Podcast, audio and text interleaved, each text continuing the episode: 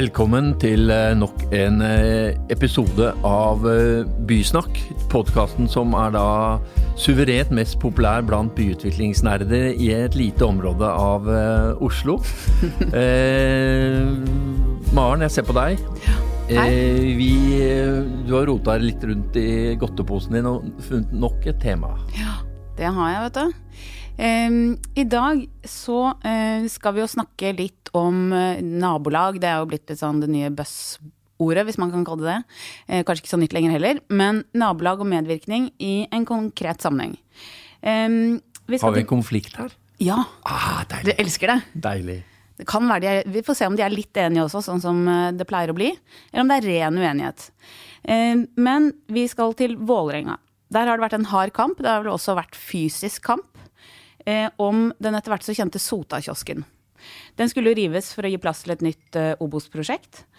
Eh, og før sommeren eh, så snudde jo Obos og endret planene for å bevare eh, den etter hvert så legendariske kiosken. Eh, og Obos har vel nå en plan hvor de håper at naboene vil like det. stemmer det? Det, var det riktig grep å endre prosjektet? Og er saken da løst, og alle er venner vel forlikt? Eller hvordan står det egentlig til på Vålerenga? Er ikke det veldig interessant å diskutere? Jo. Og dermed har vi fått uh, våre to meget eksklusive gjester. Hege Stensrud Høsøyen, leder av Vålerenga Vel. Geir Graff Kallevåg. Uh, du har ikke blitt utviklingsdirektør i uh, Obos, kan vi si det? Jo, jeg jobber som utviklingsdirektør på næringssiden i Obos. Ja. Så har jo vi en del tomter som vi eh, også ser på bolig på.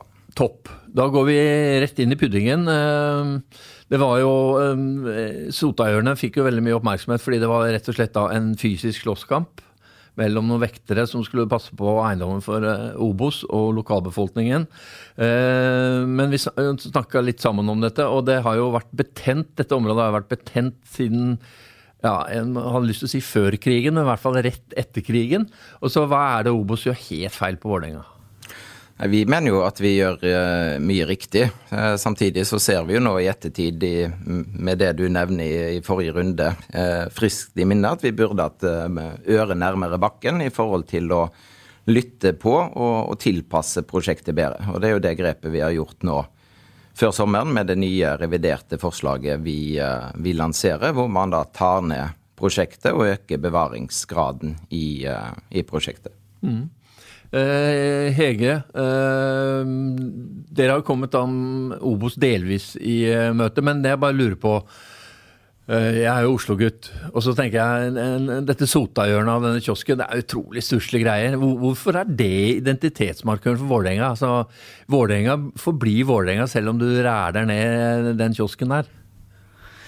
Ja, det vil jo kanskje ikke alle på Vålerenga være enig i. Sotahjørnet står jo veldig sterkt i, eh, i, folks bevissthet. Eh, VIF-spillerne kaller seg jo fortsatt gutta fra Sotahjørnet. Og den bebyggelsen er viktig for identiteten og for lokalhistorien eh, på Vålerenga. Men da, nå har dere jo da Obos med sitt nye forslag kommet dere i møte, slik at i hvert fall den forblir. Er da alt fryd og gammen? Vi er jo glade for, eh, for, det reviderte forslaget, men det er jo ting der vi fortsatt vil være uenige om. Det er det. Og det er? Er det som alltid høyder og tetthet og ja, Nå har vi foreløpig bare sett noen skisser, så vi avventer jo å se et, et helt uh, ferdig forslag. Uh, men denne tomta som skal utvikles, uh, har jo bestått av Etterstadgata 2, 4 og 6.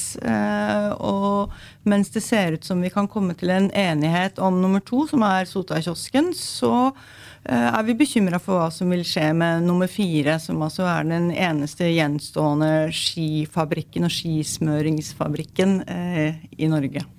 Men eh, Maren, vet du hva den heter? Nei, det vet jeg ikke, faktisk. Bratteli. Er det ikke det? Ja. Skismøringen den het ja. Bratteli, mens de som eide det, kalte seg, ikke tilfeldig antagelig, R. Amundsen. Okay. Jeg, går, jeg, går, ikke nok på ski, vet du, Erling. Det er det som er problemet. Må ikke spørre meg om sånt. Men, men da, hvis det er tre adresser som man har fått orden på Etterstadgata 2, så er det fire og seks. Men mener du også at uh, remi, hva heter det, reminiscensene av denne skifabrikken, bør den stå også? Altså, Vi har jo eh, nå gjort en del endringer siden forrige gang. Sosken, som er nummer to, blir stående, rehabilitert på stedet. Nummer seks, som i forrige omgang var foreslått redusert ved at man river hele bakgårdsbebyggelsen, er også foreslått nå bevart i sin helhet som et anlegg med både front- og bakbygg. Og så er jo det store differensieringspunktet denne nummer fire-gården, hvor eh, historien til skismørningsfabrikken ligger, og en del produksjonsutstyr som står i cellene der.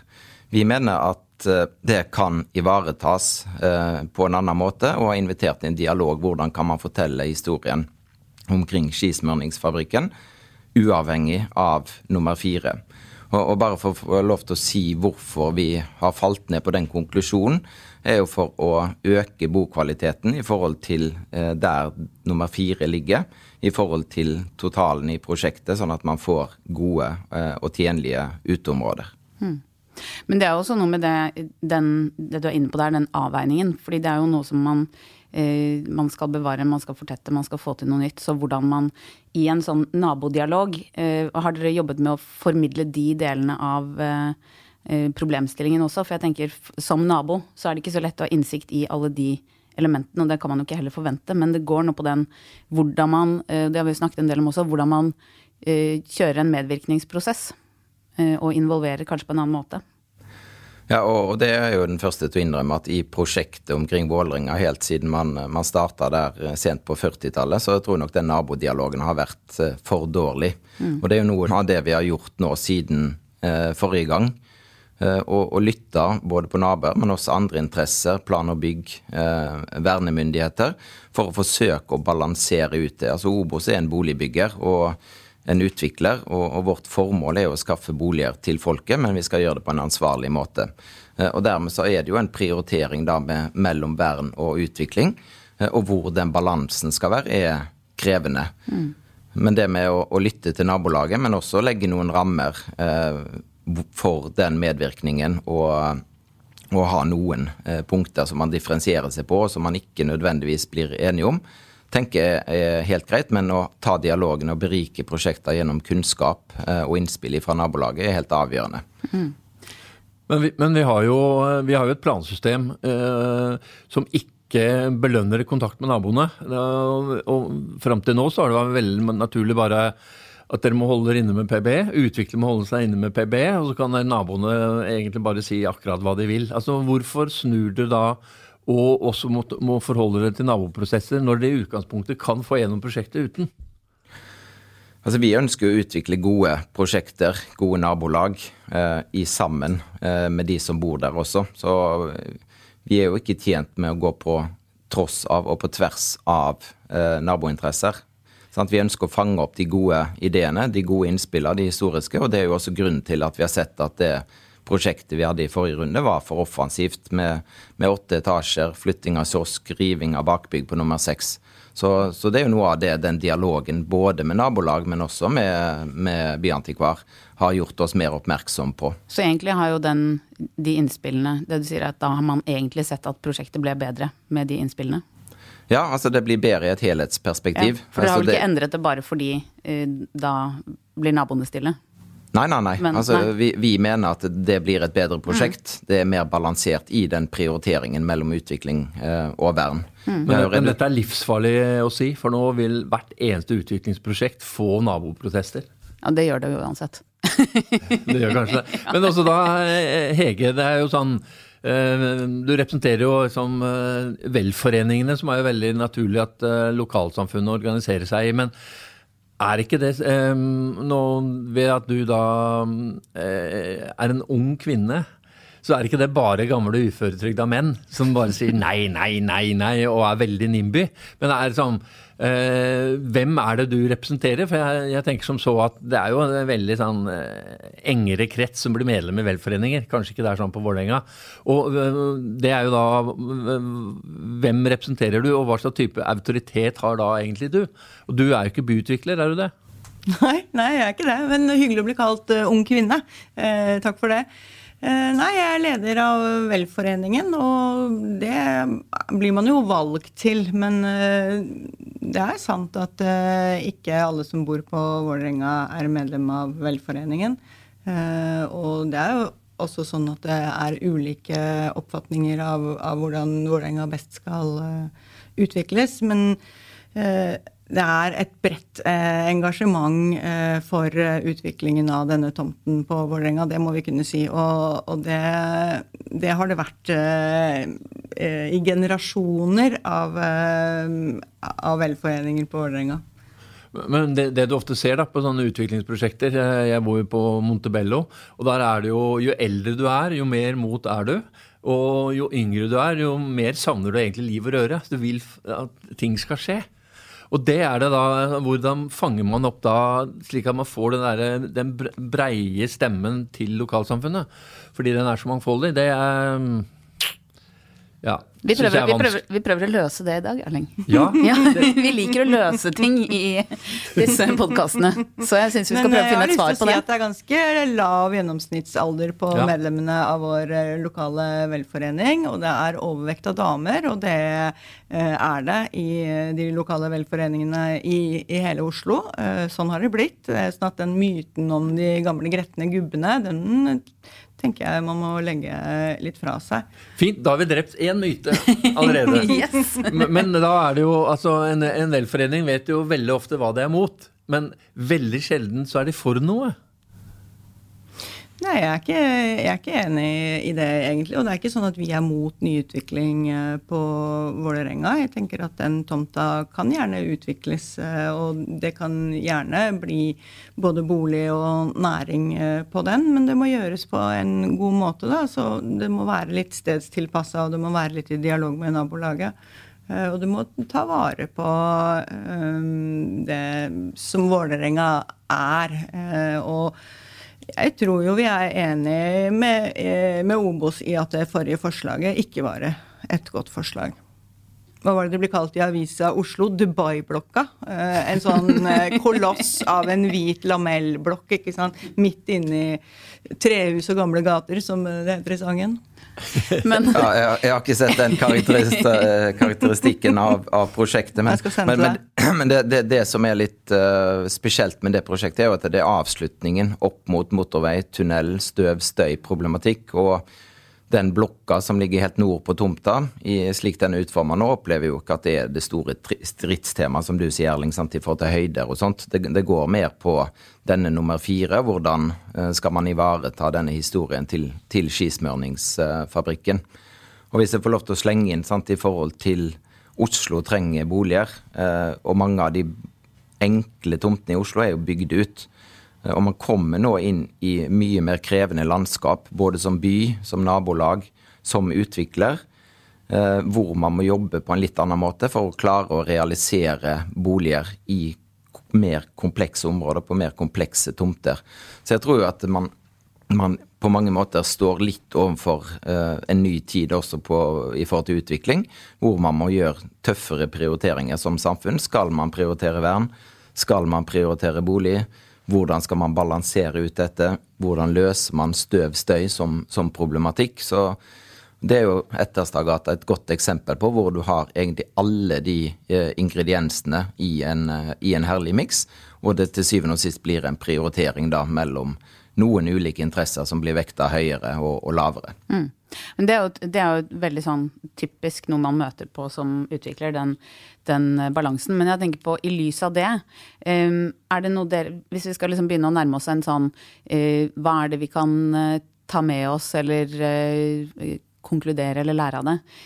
dere i Obos, da, hvis dere skulle vært etterpåkloke og tenkt ok, nå skal vi gjøre denne prosessen på en, en smidigere måte Eh, er det noe man kan liksom hente ut av den litt, eh, litt vanskelige prosessen som har vært? Jeg tenker i fall ett punkt er jo det å starte, starte en medvirkningsprosess bredere eh, og tidligere mm. og mer systematisk. Mm. For det er jo litt sånn at man låser seg gjerne til et eh, sett eh, tanker og tegninger, og, og så forsvarer man de, mm. fremfor i tidligere stadier kanskje lytte ut disse innspillene, prøve å se på hvordan man kan få til både noe som er eh, godt for nabolaget og for, for utvikler, før man er kommet for langt i planprosessen. Og så er det jo også bredden i innspill. sant? Én ting er Vålerenga vel sant? Og, og, sterke stemmer som, eh, som, ytrer seg høyt, men også få tak i bredden av innspill. Jeg tenker på barn og unge, andre typer institusjoner, andre typer beboergrupper, interessenter, sånn at man får bredda ut også de innspillene i en tidlig fase. Så det er i hvert fall ett punkt. Ja. Men det virker jo som dere har hatt en god dialog, eller har en god dialog, og da tenker jeg at det er jo noe med også um, at det kanskje ikke bare er one way. At man må også kanskje i større grad tidlig ikke bare lytte til innspill, men ha den dialogen også. Jeg vet ikke hvor mye, ikke sant, Det å forklare uh, tydelig de prioriteringene man f.eks. må gjøre da, som utvikler. At uh, de som bor i et område også får innsyn i det. Mm. Ja. Det syns jeg er et uh, godt poeng. Og, og, i dette tilfellet så er det jo sånn at når det kommer til dette, nummer fire, Pottemakerhuset og Skifabrikken, så er det fortsatt sånn at ikke er godt forklart eh, hvorfor, eh, hvorfor, det ikke kan være en, eh, en del av Hvorfor det ikke kan bli stående igjen. Der tenker jeg at alle, alle stener ikke er snudd eh, enda, og håper at vi kan ha enda mer dialog om, om i alle fall noe av det mm. eh, kan bli stående igjen. Og så tenker jeg også at det er noe med å se på områder ikke bare se på den tomta som man sjøl skal utvikle, men se på områder eh, i et litt eh, større perspektiv. Da. Det er ikke noe område i Oslo som har blitt så utvikla som bydel Gamle Oslo.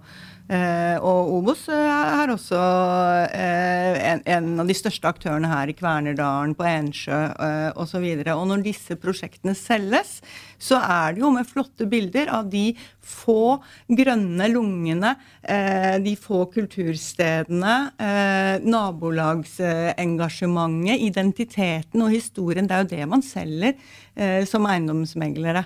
Og det er noe med å være litt bevisst som utvikler også hva det er som bærer identiteten og historien og skaper gode nabolag. Mm. Jeg mener jo alltid at eh, identitet er noe du lager, ikke noe du må se tilbake for å finne. Men eh, er det da slik, Geir, at hvis du forklarer Vålerenga vel og andre på Vålerenga hvorfor dere mener vi må rive gamle skifabrikken i Etterstadgata 4, så er case closed. Og for da sier Hege ja, dette var en veldig god begrunnelse, vi faller innsigelsen. Ferdig. Så er det endelig gjennom, etter 70 eh, år. Ja.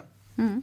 Det, det hørtes ut som en god løsning. Vi, den, eh, vi får avtale et uh, videre oppfølgingsmøte, Hege, så skal vi forklare det. Det går, det, altså, det går jo mye på det med, med bokvalitet for prosjektet mm. som helhet. Men jeg tror det handler litt om Der tror jeg jo vi som utviklere, tar meg den hatten, må kanskje noen ganger gå litt i oss selv, fordi man har jo masse plandokumenter og begrunnelser og redegjørelser, men som er veldig eh, planfaglig formulert og vinklet. Så det handler jo om det å, å tilgjengeliggjøre kanskje noen av den, de begrunnelsene, avhengigheten i prosjektet, eh, totaliteten, på en, en, litt mer lett tilnærmelig måte, da.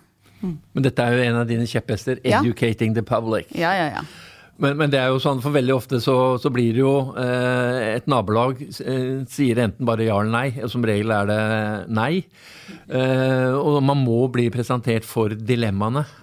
Da, men da sier du at det er utviklerne som har svikta?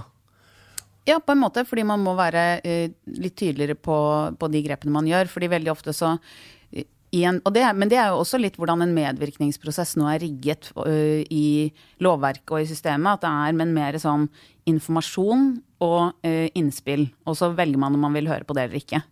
Uh, men det er jo en sånn balanse der hvordan involverer man folk på riktige ting på riktig måte på riktig tidspunkt. og hva er det som er relevant. Det er liksom, men det er en helt annen måte å, å jobbe med det på, tenker jeg. Uh, og, i hvert fall få fram de uh, konkrete problemstillingene. Okay, hvis vi plasserer bygget sånn, så blir ikke det gode boliger. Hvis vi plasserer det der, så er det støvproblem. Altså, bare liksom mm. få de, uh, de, andre hensynene som, som vi som arkitekter og utviklere sitter med, med regler i kommuneplanen om støy som gjør at nei, men det går jo ikke. ikke sant? Så det er veldig, man får en sånn tvangstrøye med veldig mange hensyn. som det kan være vanskelig å gi et fullstendig bilde av, men på en, på en måte prøve å forklare det tror jeg har en hensikt. Jeg er veldig enig i det. Eh, og det er noe med å få følelsen av at alle steiner er snudd. At man har prøvd så godt man kan å skape en vinn-vinn-situasjon. Og det var jo et konkret eksempel på det i denne saken her også, som handlet om eh, om, om, tomta mot nord og mot jernbanesporet. Eh, for der er Obos bygget tidligere, og da har laget lokk over jernbanen. Og da har tomta blitt større, eh, men har også dempet støy. Og det kunne være en vinn-vinn-situasjon. ikke sant? Det, det, var ikke kommentert. Eh, men da vi diskuterte det, eh, så gjorde faktisk eh, Obos et arbeid både med å diskutere og prøve å forklare det, men også med å kontakte Bane NOR og se på de tomtegrensene. Og dette resulterte faktisk i at tomten blei større. Det blei litt mer plass på tomta for å ta vare på kulturminner. Eh, så jeg syns du har et veldig godt poeng der. Ja, og det er jo et av de grepa, men, men vi skal bare gå inn for landing. Eh, hva skjer nå, Geir? Altså, eh, det er jo PBE du skal overbevise, og så bystyret. Hvor lenge fortsetter dere dialogen med nabolaget? Det ligger et bygg- og deleforbud på tomten som går ut neste høst. Uh, innen det så er ambisjonen til, uh, til Plan og bygg at man skal ha et vedtatt planforslag gjennom bystyret. Vi har sendt inn før sommeren til Plan og bygg. Det kommer ut på offentlig ettersyn nå relativt kjapt. Så det er jo første steg å få planen ut på offentlig ettersyn. Vi fortsetter dialogen med Hege. Vi kjører også et strukturert medvirkningsløp nå for å fange opp de, de siste innspillene.